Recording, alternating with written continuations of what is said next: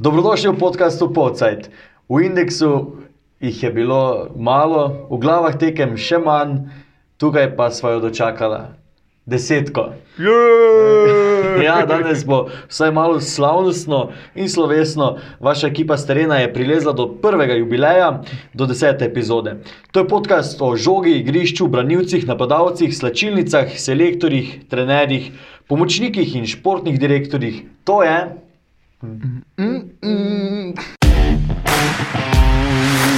Rezultati 5 proti nič, jaz to uživam, to, to je top, samo to je preveč simpel. Pa mislim, da je to že preko mere u- zdravega okusa. Ko bomo pozdravili, kdo smo in kaj smo, je prvi korak proti propadu Maribora. Maribor je za nas bio Liverpool. Maribor je šampion, danes je veličini dan. To je Polcajt, večerov podcast o nogometu, o mariborskem nogometu. Vami sva Marko Kovačevič in Miha Dajčman. Večerova ekipa Starena. To smo zdaj povedali, kot da smo na kakšnem boksarskem dogodku. In v desnem kotu se je ena serija končala, druga pa se nadaljuje. Uh, nogometaši Maribora so se ustavili pri šestih zaporednih zmagah, Mure pa tudi na šestem obračunu v prvi ligi niso premagali. Brez golov, a nikakor ne brez zanimivih potez, se je zaključil štarsko-prekmorski derbi.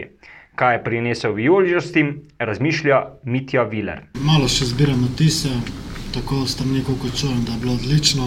Mislim, da, je bila res, da smo bili tudi po dolgem času zelo dobri poletni, težki, ko, ko si želimo biti vsako tekmo, ampak Murat, kar je prišel prvo ligo, nam je zelo neugoden nasprotnik, so zelo tekmovalna ekipa in to se danes tudi videlo. Marko, v ljudskem vrtu so gledalci, uh, veliko jih je bilo, uh, 8000 so povedali, Uradna enega Maribor. številka je 7500. 7500 navijačev in koliko od teh je bilo, eh, koliko gezerov jih je bilo z onega konca. Vem, če bom, če bom povedal prav, ampak eh, mislim, da je ocena uh, Gezera 500. Gezer 500 in eh, tisti so lahko videli, in seveda tisti, ki so navijali za Maribor, vsi so lahko videli veliko priložnosti, uh, golov pa nič. Ja, tako, uh, preden nadaljujem tvojo misel, naj se uh, preventivno pravičim vsem uh, nativnim govorcem uh, narečja, ki sem ga prej skušal uh, posnemati. Tako da, če je bilo kaj narobe, se upravičujem, če je bilo pa prav, pa toliko boljše. ne, In, ampak vseeno za tiste, ki pa niso uh, tako vešči uh, jezika iz severovzhodne severovzhodne Slovenije.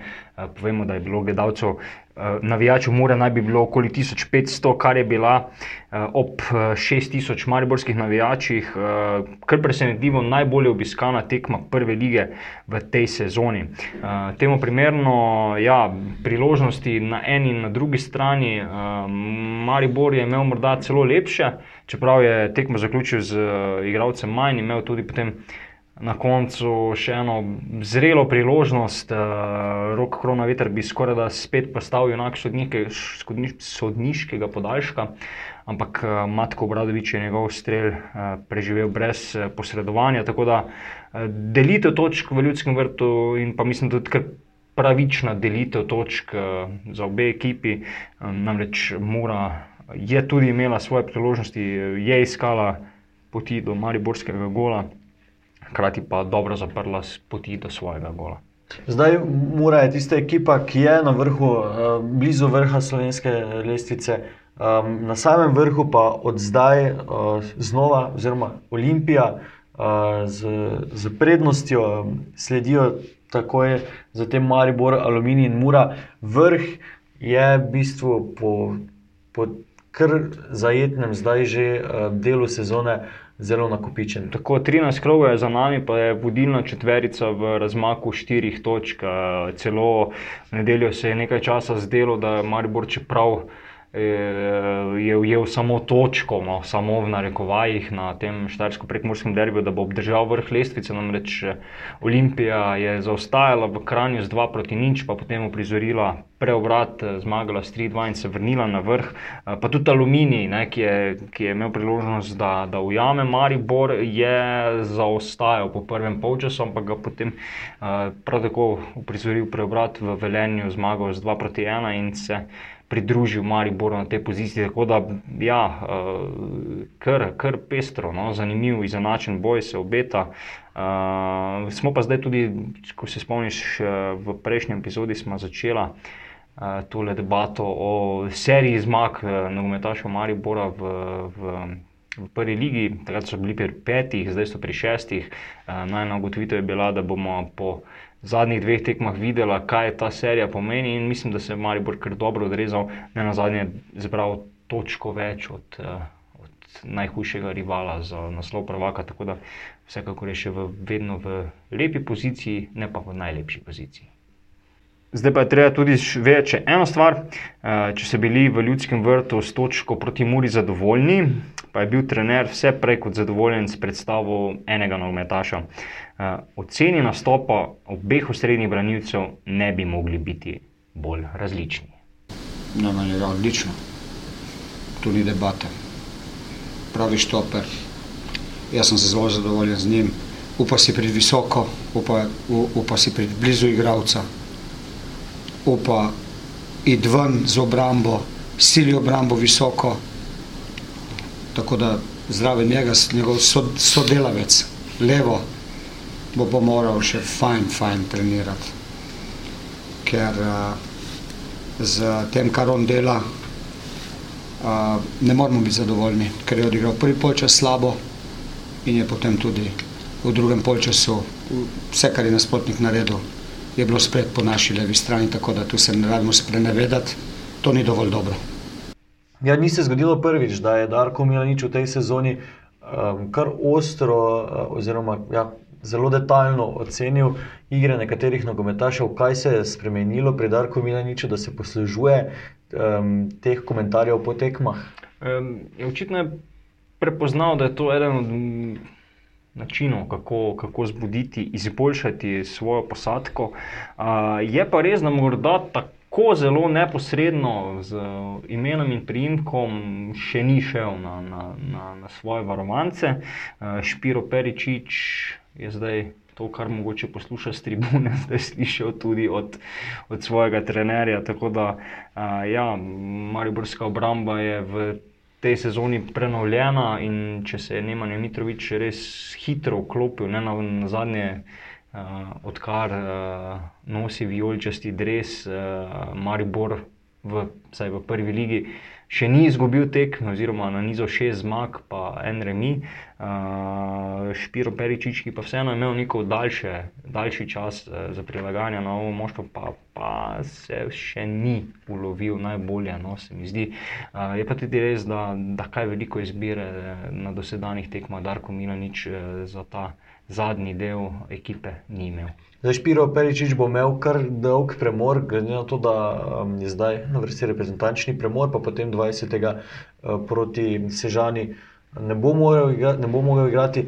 Um, kakšne alternative se tukaj ponujajo, Darko Miljaniču, um, koga bi lahko videli v, v Lukasti obrambi Maribora?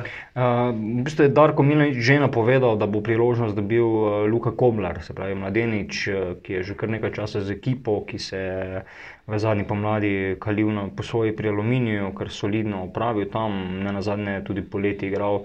Nekaj pripravljalnih tekem, uh, tako da pač, če ne pride do čudežne ozdravitve Luke Uskokoviča ali pa Aleksandra Rajčeviča, ne, je tu Luka Koblar verjetno prvi kandidat, da zamenja Špira Peričiča. Eh, hkrati pa se še vedno ponuja tista možnost, ki se morda ni izkazala ravno za najboljšo, za najbolj posrečeno.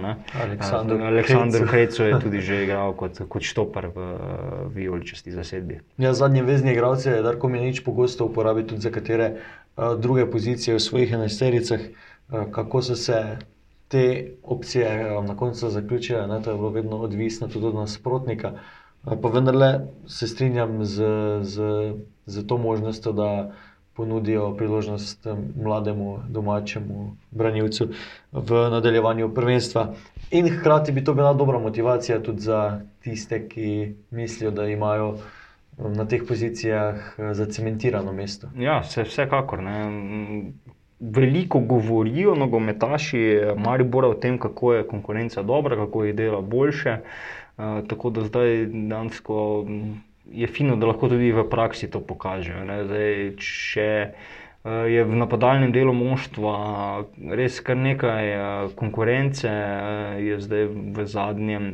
Predvsem zaradi poškodb, ne, ne zaradi nekega pomankanja kvalitete, ampak uh, zaradi tega, ker pač nekateri nogometaši ne morejo igrati te konkurence, predvsem manj, tako da, da je dobro, da se, da se pojavi morda kakšen nov obraz, pa se odreže boljše kot v slovenski politiki.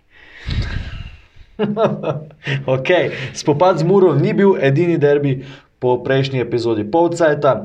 Stožice so gostile drugi večni derbi sezone, Olimpija je imela točko in z njo prvo mesto na lestvici v žepu, a sodniški podaljšek, je osrečil Mariborčane. Rokro na veter je postal junak velike vijoličaste zmage v prestolnici po napaki Nejca Vidmarja. Kaj je dejal njegov nekdani soigralec? Prisluhnite. Kot običajno je trener v prejšnjih tekmah menjavo, tam nekje med 60 in 70 minut, zdaj do konca. Ampak očitno ste bili še vedno zelo pripravljeni, da šprintate, da pritiskate na zadnji dan Olimpije. Kako ste se počutili v teh zaključnih minutah? Ja, prejšnje tekme me je res menjavo prej, ampak mislim, da sem se danes dobro počutil, da sem pač oddelal do konca. Na koncu me je to nagradilo in uh, sem vesel, da me je pustil notno, da sem lahko pomagal na koncu ekipi z, z tema dvema zadetkom. Ste rekli, da ste pričakovali, da bo vidno imel težave s tisto žogo, to zato, ker ga tako dobro poznate, ker ste bili toliko let svoj igralca? Ne, v bistvu, ker je dobil zelo težko žogo nazaj. Zdaj, mogoče ste od zunaj ni tako videla, ampak res je bila neprijetna žoga za Golmana. No, in sem nekako pričakoval, da bo imel težave in tako sem rekel, to izkoristil in sem vesel, da sem. Tvoje prekletstvo je, da ne moreš proslavljati zadetkov zadnja leta iz dostojanstva do nasprotnikov. Tudi tokrat, tako ti kaj je žal, da ne moreš dati čustvom prosto pot, ko dosežeš zadetke. Pa dobro, mislim, da se prvega gola nisem nekaj preveč razveselil, ampak pri drugem pa sem se razveselil normalno kot vsak igralec, ki je v bistvu odločil neko tekmo in uh, jaz mislim pa, da je vse bilo nekako v mejah normale, da sem pokazal določeno spoštovanje do, do kluba, za katerega sem igral, tako da mislim, da glede tega, da je bilo vse v redu. Že pa kar spremem tak proti Violam, ste se veselili z odločilnim. Ja, normalno, pač, normalno, da se veseli z navijači, ko, ko dosežeš ta zadetek, dosegli smo jih tam k, pri njihovem sektoru, tako da je bila to neka normalna reakcija. Zdaj, ko ste zadeli za 3-2, se je nekako zdelo zmaga vaša, ampak niste se ustavili, kaj vas je potem še gnalo, da greste še pred četrti zadetek, oziroma se je ponudila četrti. Ja, mislim, da je bil ta, ta zadetek, da je Olimpija nekako psihološko malo presekal in uh, mi smo vedeli, da še bo mogoče kakšna priložnost in vztrajali uh, smo do konca, nismo se hoteli potegniti nazaj, tako pri tistem vodstvu 2-0 in na koncu nas je to nagradilo, da smo z enega, mislim, da lepega protinapada dosegli še četrti gol. Rok Rona veter na derbiju ni bil edini nekdani zmaj v Mariborski enajsterici. Denis Klinar in Aleksandro Krecu sta se postavila po robu nekdanjemu moštvu. Na klopi je bil še Jasmin Handanovič, ki je tudi nekoč nosil zeleno-beli vratarski dres, ampak vseeno je navijače Olimpije najbolj nekako razjaril Nemanja Mitrovič. Kaj je povedal po prvem derbiju, na katerem nastopi v vlogi nogometaša Maribora, v naslednjem posnetku. Ja, res dobro smo odprli tekmo, dva hitra zadetka, pol malo mal smo se spali, pred 2-1, tudi drug polčas ni bil najboljši, ampak derbi se ne igra, derbi se zmaguje, to je najbolj važno. S tremi pikami gremo v Maribor in uh, prvenstvo je še dolgo, isto pikamo, tako da moramo razmišljati že o sobotni tekmi. Kaj je danes odločilo, je že biti v Maribor, kot si ga želite? Ja, prvi 20-30 minut je bilo dobrih, res bilo veliko priložnosti, škoda, da nismo še zadeli še za tri nič, kaj je imel Zaho, imam rekel Zicar. Potem pa Olimpija, drug polčas, dober krnila, tudi tu moj penal, ajde, gor dol. Moj hiter je padel, malo sem ga polepil, ampak to je tudi sestavni del športa. Um, drug polčas z naše strani ni bil najboljši, ampak to je derbi, najbolj važno so tri pike, rezultat. Zadeli smo štirikrat, to je dober, ampak mogoče dva, dva, dva prejeta zadetka, ampak to, ni, to, to, je, to, to bomo popravili v naslednjih tekmah. Najbolj važno so tri pike na računu in gremo naprej. Kako je bilo stožice igrati kot gost, kot, pa nekateri koli gost kot gost iz Maribora? No, dobro, ker sem bil 4 leta, 4 leta pa pol, ampak zdaj sem profesionalc, razmišljam samo o Mariboru, o treningih. Jaz nimam proti zamere, nič proti nobenemu, tako da grem naprej. Kako ste pa doživljali ta sprejem s tribun, transparente, žvižge, balone, marsikaj letelo proti vam? Pa dobro, to je sestavni del športa, ni bilo neki, ni bilo neki pretirano, ampak tako je, tako, tako to je v futbalu in nimam kaj, nimam komentarja na to. Marko, kaj pa je tvoj komentar na to? Uh, v bistvu niti ne tako nenavadna, niti ne tako nepričakovana reakcija navijačev Olimpije, Green Dragonsov, ki so se branilca, zdaj Maribora, nekoč Olimpije, eh, res lotili z transparenti, z baloni, v katerih je bila voda, no morda še kaj drugega, upamo, da je bila voda z žaljivkami, z žvižgi. Um, predvsem zato, ker Seveda, za razliko od ostalih uh, nekdanjih nogometašev Olimpije, ki zdaj igrajo v, v Ljudskem vrtu, je Nemanja Mitrovič eh, vendarle odraščal v Ljubljani, bil dolgo v Olimpiji in ko se je poslavljal od kluba, se posebej zahvalil navijačem in nekako obljubil, da bo vedno ostal uh, zmaj, da bo vedno njegovo srce zeleno in nekako kot izdajo zdaj dojemajo ti, ta isti navijači, ki si je nekoč zaobljubljal uh, to, kar je pač naredil na koncu poletja, ko je, ko je podpisal pogodbo z, z NK Maribor. Tako Da, um, ni bilo nepričakovano, če je bilo primerno, je pa zdaj to seveda neka posebna druga zgodba. Če še malo osvežimo spomin na derbi, uh, uh, ogledal si, si ga v živo, uh, jaz sem ga spremljal uh, preko računalnika, ki sem bil dežuren, um, pa vseeno je bilo kaj videti, mogoče malo razočaran nad številom gledalcev v Stožicah, nad igro, nad, pred- nad predstavo nogometašev. Pač ne, hitro je Maribor povedal, um, hitro se je zdelo, da bo to enosmerni derbi, Mhm. potem so se stvari, stvari spremenile. Zagotovo je bilo to najboljše pol ure nogometašev Maribora v tej sezoni, ker začeli so res atomsko, z pritiskom, takoj eh, v 52 sekundi zadeli, potem imeli še dve, tri res izrazite priložnosti, dokler ni potem rok Kronoveter z glavo pospravil žoge v mrežo za 2 proti nič. Uh, tako da res uh, sijajen začetek uh, Maribora v nekako svoji trdnjavi, ne, ker to je bila zdaj 11. tekma zapored, ko Maribor, eh, 11. prvoligaška tekma, to zdaj spet treba dodati ta nujni pridevnik, ko naštevamo te serije, eh, ko Maribor v na stadionu Olimpije oziroma v Stožicah ni izgubil, uh, ampak potem se pa nekako logično, ker tudi eh, potem v izjavah so ugotavljali nogometaši, pa trener Darko Milanič, uh, da takšnega ritma ni mogoče zdržati celo tekmo, se pravi s takšnim pritiskom, z takšnim tempom. In Olimpiji se je ponudila ena priložnost, tako iz prve priložnosti na tekmi, ki jo je Olimpija imela, je zadela. Luka Menalo je bil tisti strelec, in potem smo spet dobili tekmo, mislim, smo spet dobili dvoboj. Na začetku drugega polčasa potem tudi izenačenje.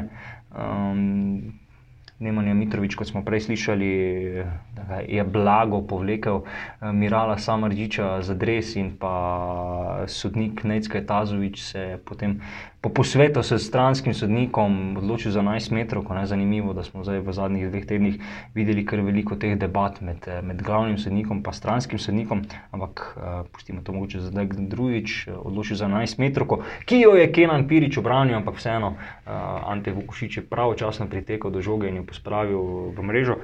Uh, potem se je pa nekako vse umirilo do res tistega uh, silovitega finiša uh, Enka Maribora in darila Neca Vidmarja, ki ga je, ki ga je Rok Kronaveter s pridom izkoristil in pač prelomil tekmo v Mariborsko korist. Uh, zdaj navijači Olimpije oziroma trener Safet Hažič so bili zelo nezadovoljni z, z, z, svojim, z kapetanom za napako, ki se je privoščil Nec Vidmar v sodniškem podaljšku, ko je res uh, slabo izbil žogo, jo poklonil kronovetru, ampak vseeno tu mislim, da je obvezna opomba, da je, da je brez Neca Vidmarja bi verjetno Maribor že prej zagrabil vodstvo, ker um, ne mislim, da je dve, tri čiste priložnosti odnesel.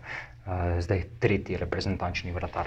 In po stožicah je odmevalo Vidmar Viola, um, transparenti na, tudi na tem derbiju so bili um, zelo provokativni, zelo zanimivi, um, kateri se tebi vtisnil spomin, če si imel možnost spremljati dogajanje tri, na tribunah. Um, ja, marsikaj je bilo zanimivega, mogoče je bil tisti najbolj zbadljiv.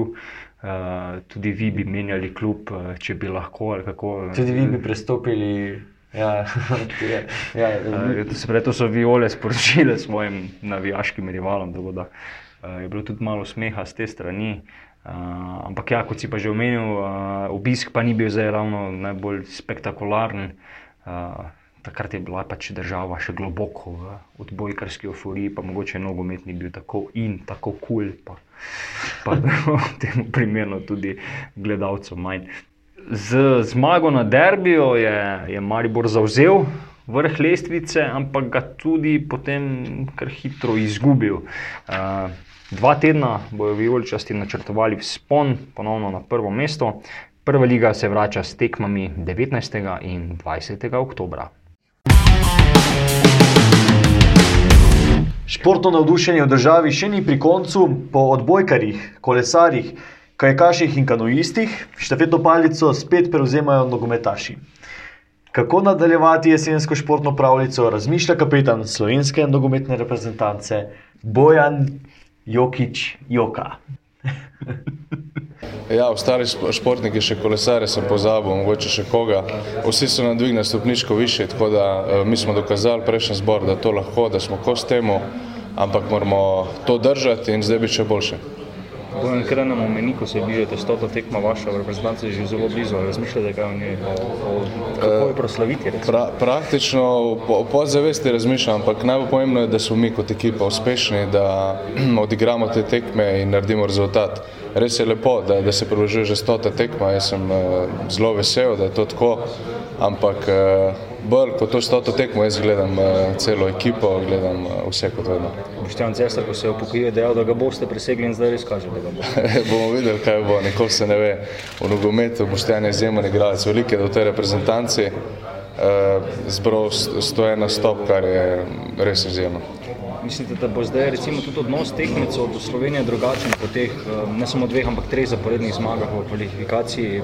Zdaj naenkrat Slovenija postaja nosilec te skupine, ne pa potencijalno presenečenje. Ja, res je.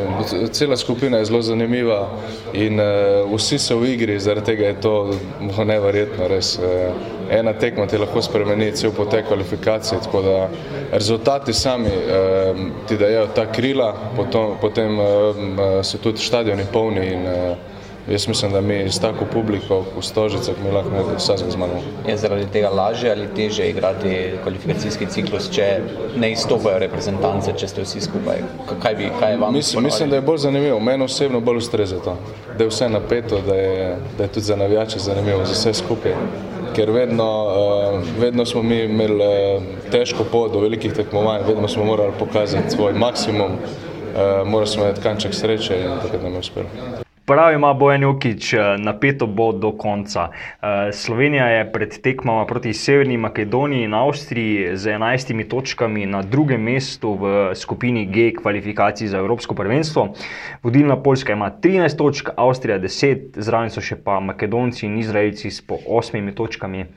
Latvijo pa mislim, da zdaj lahko počasi tudi kar odpišemo, nič točk po šestih tekmah. Ja, zdaj ta vrh lestvice v skupini G, v kvalifikacijski skupini G, zgleda skoraj tako kot v prvi ligi. Ja. Ekipe so skupaj na vrhu, um, nekateri sem spadajo, drugi ne, ampak hkrati imajo pa vsi še vedno možnost. Tako. Vsaj po tej lestvici sodeč.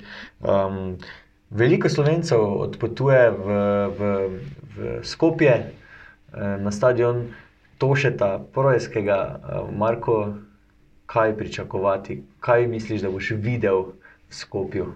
Ja, jaz upam, da bom videl en pravi obraz Slovenije, obraz, kot smo ga videli septembra na tekmi proti Poljski. Um, zdaj, videli smo za tema dvema zmagama proti, proti Poljski in Izraelu, da res ni potrebno veliko, da se nekako znova pove, povrne v upanje v, v slovensko nogometno reprezentanco, v upanje, da je, so velike stvari še vedno dosegljive, pač kljub vsem omejitvam, majhnosti, finančnim sredstvom in tako naprej, da, da ne bom šel zdaj v predolge filozofske debate. ja, predvsem upam, no, da, da, da, bo, da bo nadaljevala Slovenija v tem ritmu, ampak zagotovo pa ne bo lahko, ker Makedonci. Lovijo tisti zadnji vlak, zmaga proti Sloveniji je praktično nujna, da še ostanejo v igri za prvi dve mesti, ki vodita neposredno na Evropsko prvenstvo. Eh, čeprav potem, za razliko od naše reprezentance, Makedonska bo še imela B možnost možnost. popravnega izpita potem v tistih dodatnih kvalifikacijah, ki so si jih zagotovili za, za Ligo narodov. Potem pa je tukaj še tekma v Ljubljani, zdaj, če se v Skopju um, konča tragično, ne, um, pa upajmo, da se ne bo. Je tukaj možnost še uh, popravnega izpita proti Avstriji, ki pa je tisti tekmec Slovenije, uh, o katerem vsi govorijo, ne, da je najbolj resen tekmec za to drugo mesto. Če bodo Poljaki nadaljevali v stilu, kot se je dogajalo pred eh, tekmo s Slovenijo v Stožicah. Ja, um, absolutno. Avstrija je tisti res neposredni konkurent uh, za, ali pa rečemo, za- kar za prvi dve mesti, ne, če se slučajno kaj. Uh, Poljski po nesreči, Poljska še zdaleč od tega, da bi bila že uh, uvrščena na Evropsko prvenstvo, ampak vendarle s tremi točkami proti Avstriji pa se res uh, vrata na veliko tekmovanje, prvo po, po desetletju za Slovenijo lahko nas težave odprejo, še posebej, če bi, bile, bi bila ta zmaga podkrepljena še z tremi točkami iz Skopja. ne.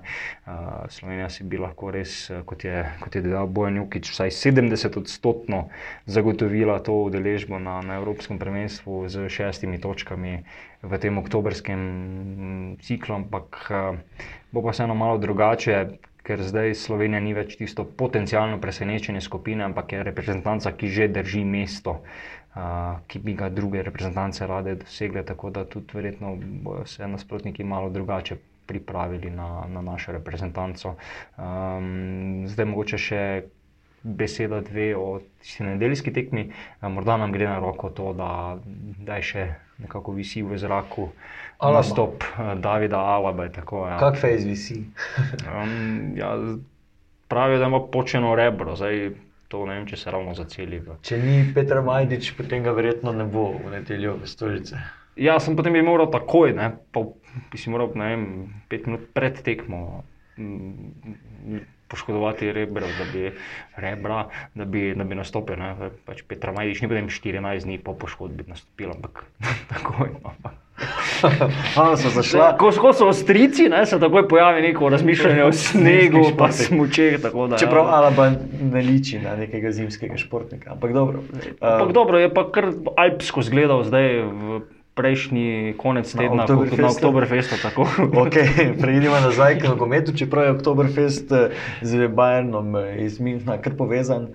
Um, Vrnimo se k slovenski nogometni reprezentanci. In upajva, da bo, da bo slovenski Oktoberfest eh, na nogometnih igriščih, torej da, bomo, da bo Slovenija praznovala uh, proti Davidu Alabi in Marku Arnautoviču in vsem ostalim. Seveda pa še prej proti Goranu Pandevu in pa njegovim makedonskim soborcem. Ja, jesenski meseci, oziroma september in oktober, um, kot zdaj vidimo, so tisti, ki bodo skoraj da odločilni v tem kvalifikacijskem ciklusu za Evropsko prvenstvo. Dva reprezentanta sta se družila tudi na klubski sceni. Dinamo je s Petrom Stanovičem pokvaril debi Josipa Iličiča in Atalante v Ligi prvakov. Zdaj sem prav nagasil Petara. Ne, Petra. Petra. A je on je Peter? Ne, Petar je. Peter. Aha, Ampak okay. sklanjaš ga kot Petra. Ok, torej sem prav naglasil. To so Um, bile minute za slovnico. Ne, meni vedno pridejo prav, se opravičujemo. Torej, v Zagrebu je Dinamo s Peterom. no, oj. Uf, še enkrat. Ker rečeš Stojanovičem. Dinamo je s Petrom Stojanovičem, torej v Zagrebu, je v visoko zmago 4 proti nič um, proti Atalanti um, Josipa Iličiča. Na reprezentančnem zboru je Stojanovič spregovoril tudi o iskricah, ki so se klesale po tekmi na Maksimirju. Pa, dobro, bilo je malo po tekmi, ampak lahko povem, da nažalost, mislim nažalost, na, mojo, na moje veselje, pač mi smo zmagali to tekmo, ampak uh, lahko povem, da Iličič je bil uh, to tekmo njihov najboljši igralec.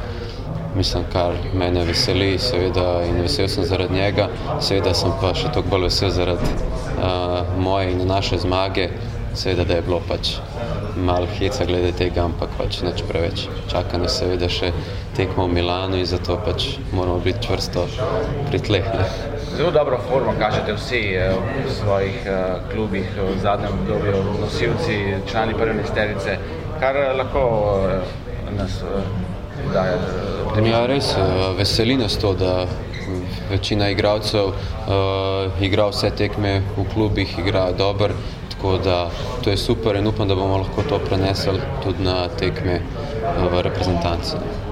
Ko ste se kaj v zadnjih dneh gledali za Demijo, igralce zdaj ste nasprotno. Ja, lahko, ja, mi lahko rečem, da se dosti dobro tudi razumeva in tudi jaz sem rekel, da se on dobro pripravlja na nas in on tudi, da se mi dobro pripravlja na njih in da se tudi on zaveda, da bo pač težka tekma in da ve, da imamo dobro ekipo, ki preveč se pa nisva pač hecala. Ne. Ste dobili kakšno insajdersko informacijo, ki jo lahko zdaj na tekmi uporabite? Mogoče? Ne, nismo, nismo nič. Kar pa vem, mislim, da mi je edino rekel, da je par njihovih igralcev ima probleme s poškodbami. Edino to, kar je rekel, drugo pa nič kitajska. Kaj ste pa odnesli z te marčevske tekme proti Makedoncem, ko je bilo ravno na, na tej vaši strani veliko prometa, tam so bili Makedonci zelo. A ja, imajo, mislim, kot celota so zelo kvalitetna ekipa. Mislim, da smo mi to tekmo tukaj v Stožicah dobro odigrali, če ne bi bilo te napake, mislim, da bi tekmo zmagali in uh, mislim, da bi pač drugače tudi zdaj pogojali, bi nam bilo dosti lažje, ampak seveda, da pač zavejamo se njihove kvalitete, tudi oni naše, zato pravim, da bo zelo dobra tekma in uh, pač težko gostovanje. Težki tekmi, a zato toliko večja nagrada. Čas je, da Slovenija po desetletju premora spet dvigne vstopnico za veliko tekmovanje. Dviga Slovenija zastave in gre naprej. Bi kdaj sprejeli recimo stožice za svoj domači stadion? Ja, ko bi igral za reprezentanco. Točno to odgovor. To je verjetno še tista ena stvar, ki vam v tej recimo vsaj slovenski zgodbi za zdaj še manjka.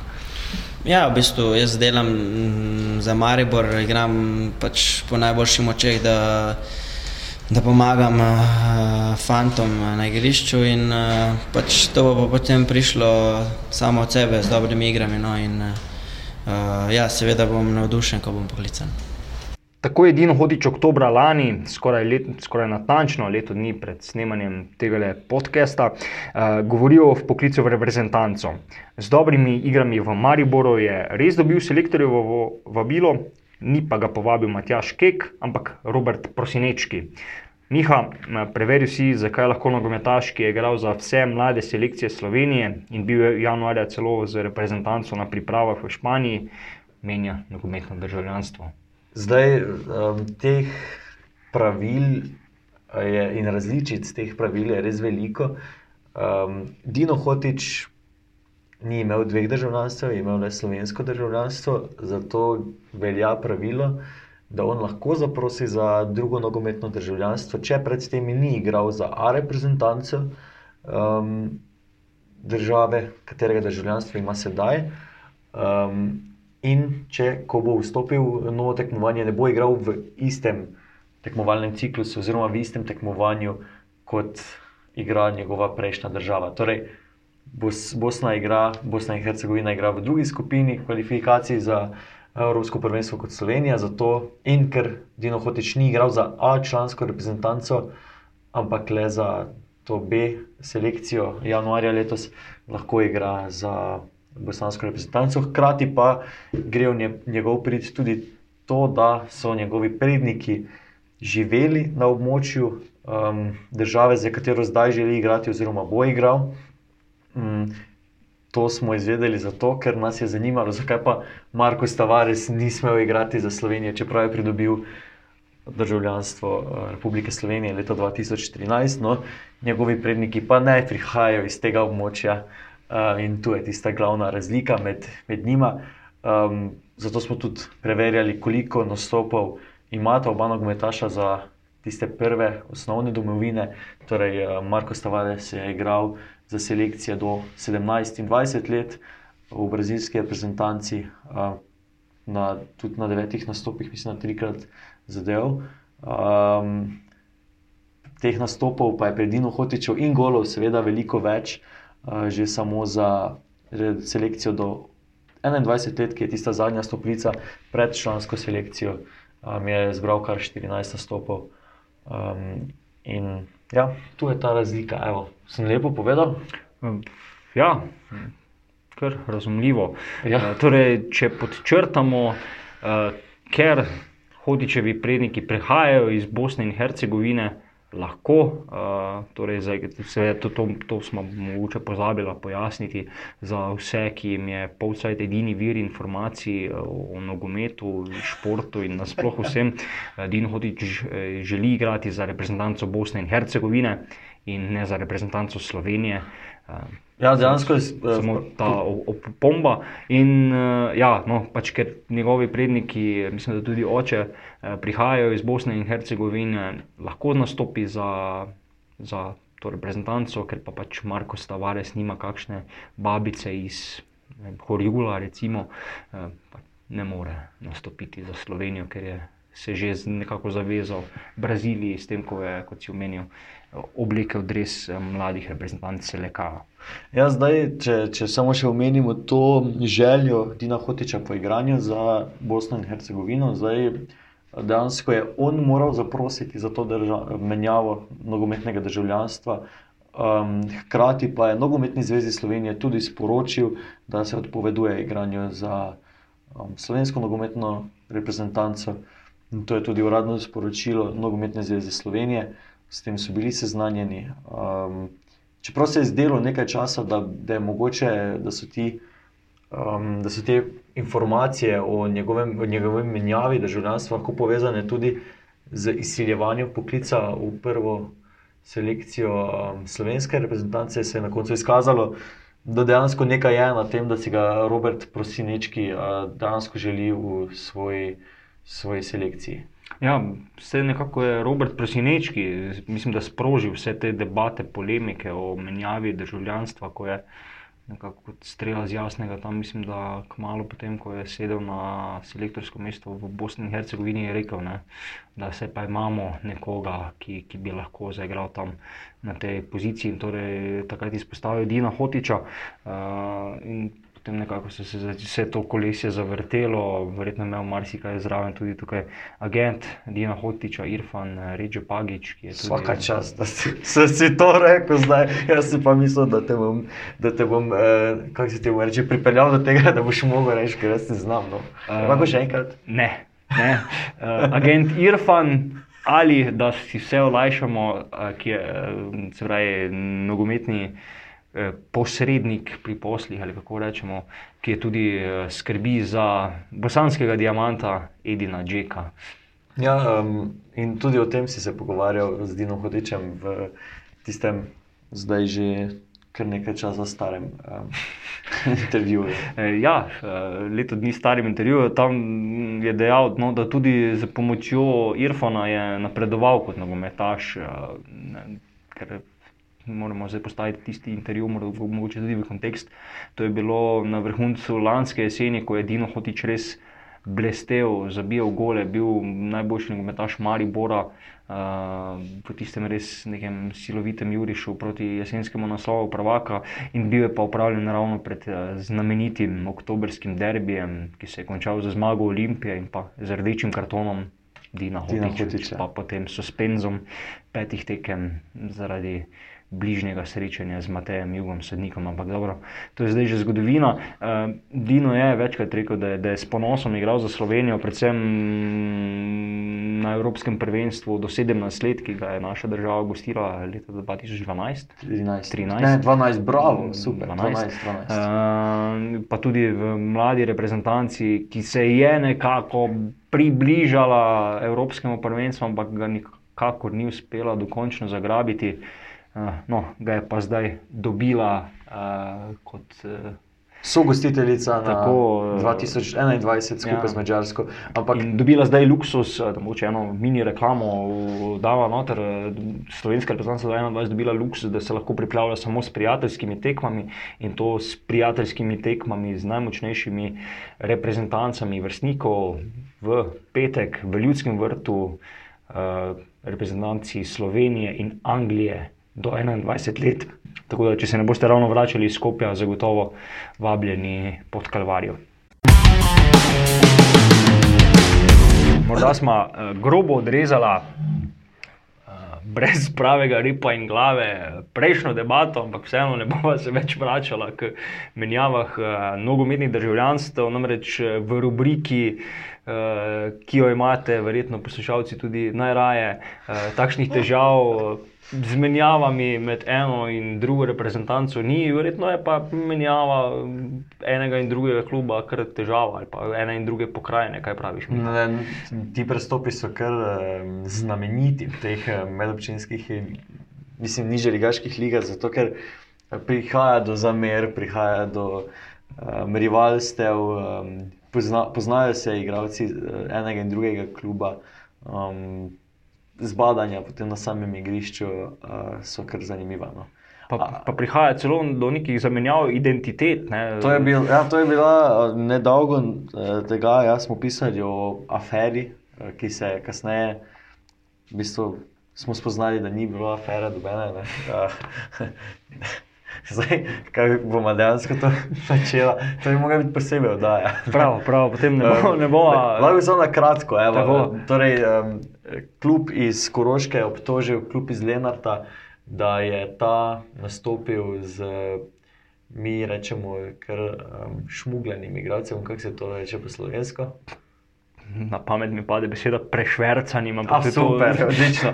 Torej, Pretihotapljenjem. Ja, v bistvu um, pod imenom um, enega nogometaša nastopil, bi naj nastopil njegov brat Dvojček, ker je ta imel uh, prepoved nastopa na tisti tekmi. Um, kasneje se, se je pač smo spoznali, da je bila to le um, eno, eden od načinov pridobivanja točk um, Koroškega kluba. In, ja, To je v bistvu to, na kratko. Pestre, pestre so metode na igriščih, eh, ob mestu, recimo, tako bodimo. Uh, ostanimo pri tem. Uh, pestri so pa tudi tvoji pogovori z junaki teh igrišč, uh, Miha, koga tokrat gostimo v Pavcetu. Ja, tokratni uh, gost je strelec najlepšega gola v spomladanskem delu prejšnje sezone, še, um, to je Nec Grandošek. Kako pa vejo, kateri je najlepši gol, kako to izberejo? Po glasovih gledalcev. Aha. Pozdravljeni, Nec Grandošek, uh, nogometaš, ki je v pomladi 2019 v prvi članski ligi MNZ Maribor dosegel najlepši zadetek. Um, Nec, prejel si kar 800 glasov, uh, to je kar visoka številka. Ja, je, lahko bi rekli, da za te razmere je to kar visoka številka. Ja. Um, si si pogledal tudi ostale gole, ki so bili nominirani za nagrado najlepšega gola? Ja, moram priznati, da sem si pogledal vse gole. Ja. Uh, pa, so, pa so kar zavidljivi ne, za, za te razmere, za prvo medobčinsko nogometno ligo. Marsikateri bi lahko padel tudi v kakšnem rangu višjega tekmovanja. Ne. Ja, se strinjam, ja, da so padali kar lepi goli, vse verjetno po vseh ligah, ki tudi niso posnete, padajo goli podobni temu. Tako da mislim, da je to prav, da se tudi naša liga začela snemati. Zdaj, napadalec Brunšvika si kar trije, se mi zdi, od teh osmih, ki so bili nominirani, so bili iz vašega kluba. So bila tu kakšna zbadanja med soigravci? Ne, ni prišlo do tega nič. Ta zadetek je padel na tekmi proti Rošni Loki na začetku spomladanskega dela prvenstva. Zdaj se ga moče spomnite, kako je prišlo do njega? Ja, najbolj se spomnim, ne, ne vem samo, da je, bila, da je bil odbitek po kotu. Če se prav spomnim, ja, tako je bila odbita žoga po kotu, pa sem daro, pa je bil gol. Zdaj, kako je z, z letošnjo sezono, vi ste kar mlad nogometaš, koliko časa že igrate v, v tem nižjem ligaškem tekmovanju v MNZ Maribor? Ja, leto zdaj drugo leto teče. Kje ste pa predtem pred Brunšvikom nabirali nogometne izkušnje? Ja, do 15. leta sem igral za Maribor, potem sem igral eno leto za Alumini, potem pa sem se bolj posvetil drugim stvarem, pa sem začel igrati na taboru. Pa, tak, no, do članske do članske selekcije, ko pa tabor še nima članov, pa sem šel prvo v Malečnik, pa sem zraven še igral tudi mali nogomet, potem pa v Bručvik, lani po zimi. Okay, zdaj, eh, kako se vam zdi to udejstvovanje v teh eh, niže ligaških nogometnih eh, ligah? Je to... Meni se, Ja. meni se zdi to super. Meni je ta liga zelo všeč, pa pač ni mi slaba. res. Uh, kakšne imate cilje, kaj, ali, ali to bolj pogojujete s tem, da se imate fajn, ali imate tudi ne vem, neke rezultatske želje, cilje? Prvi cilj je, da se imam fajn, pa da uživam ob nogometu, ker ga igram ne zaradi denarja ali pa česar koli drugega. No, pa sem tem za svojo dušo, pa za pač to užitek. Imam, da bi bili pač letos spet prvaki za Brunsvikom. To pa je to. Vso srečo na športni poti, čim manj poškodb, pa čim več lepih zadetkov v, v dresu Brunšvika. Malo starejša, zato nič bolj okrogla, zaključujeva okroglo epizodo Polceta. Deseti bo sledila enajsta. Znova se slišimo, ko bo že jasno, ali se slovenska nogometna reprezentanca lahko spogleduje z Evropskim prvenstvom in kako so premor izkoristili klubi v prvi ligi. Do takrat nas lahko obiščete na vecer.com/slash sport, na Twitterju, na Instagramu ali nas poiščete v poštnih nabiralnikih in pri prodajalcih časopisov. Vabljeni tudi na SoundCloud, Google Podcasts in Apple Podcasts in vse te eh, aplikacije, ki imajo podcaste, kjer od vseh eh, delih polcajta najdete tudi druge podcaste iz večerove družine in vedno več jih bo. Prisluhnite nam. Na poslušanje. Srečno. Adijo. Zdravo.